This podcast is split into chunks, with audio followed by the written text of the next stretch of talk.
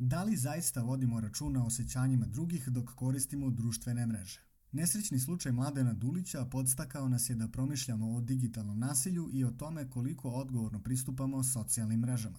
Da li ste nekada razmišljali o tome da jedan vaš klik, dislike ili komentar može da utiče na nekog sa druge strane ekrana? Vrtlog informacija i sadržaja koji do nas dolazi putem društvenih mreža često ume da nas povuče da reagujemo na stvari bez preteranog udubljivanja – Poznato je i da masa negativnih reakcija drugima daje hrabrost da i sami ostave još jedan, jer nisu sami u tome, te na ovaj način često kolektivno ponašanje može da nas zavara da smo u pravu. A dok koristimo društvene mreže, gubimo osjećaj da sa druge strane postoje stvarne osobe sa emocijama.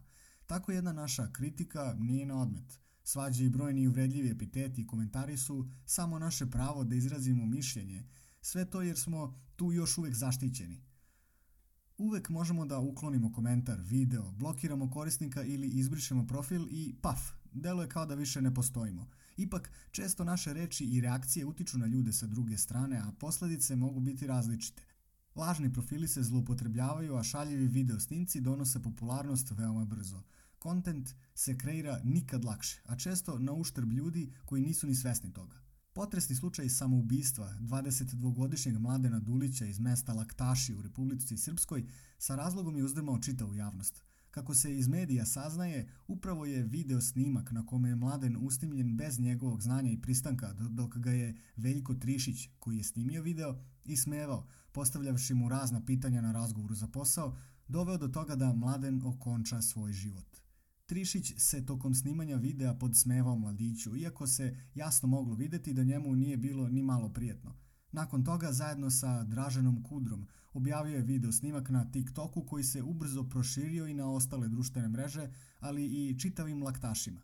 Mladen je već sutradan, nakon objavljivanja video snimka, otišao u obližnju policijsku stanicu i slučaj prijavio nadležnim organima, nakon čega su u nedelju Vojko Trišić, 44 godine, radnik benzinske pumpe i Dražen Kudra, 30 godina, uhapšeni zbog sumnje da su počinili krivično delo neovlašćeno snimanje, dok su već u ponedeljak 31. oktobra pušteni na slobodu, prenosi se u tekstu na sajtu portala mondo.ba.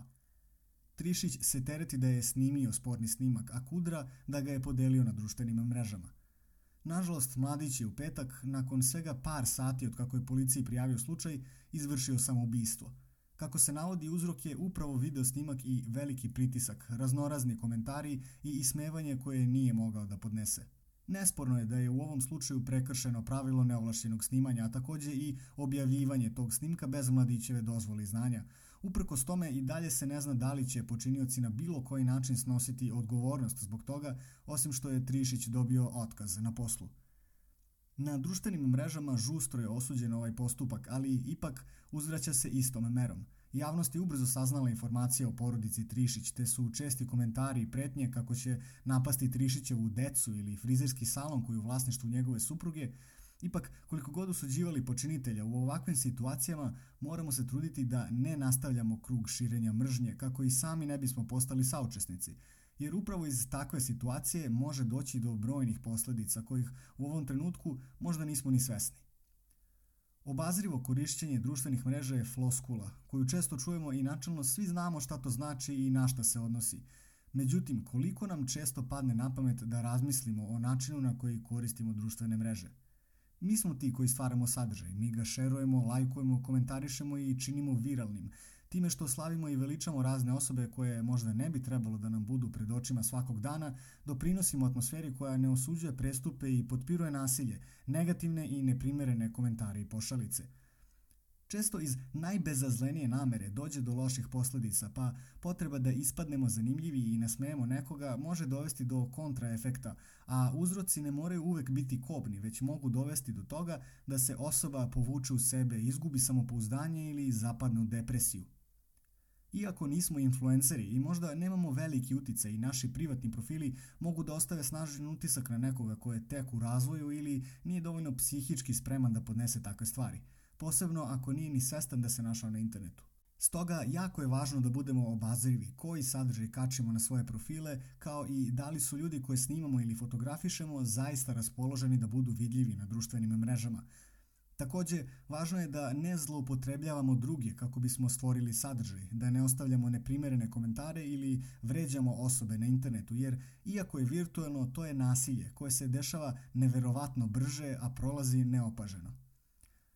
Naravno, neophodno je i regulisati tu oblast, jer se mnoge stvari rade upravo zato što ne postoji nikakva odgovornost, kao ni odgovarajuća sankcija ili kazna za prestupnike na internetu – Pa tako, ukoliko vas neko izvređe ili zloupotrebi vaše podatke i ličnost, teško je pronaći onoga ko je odgovoran i kome se obratiti za pomoć.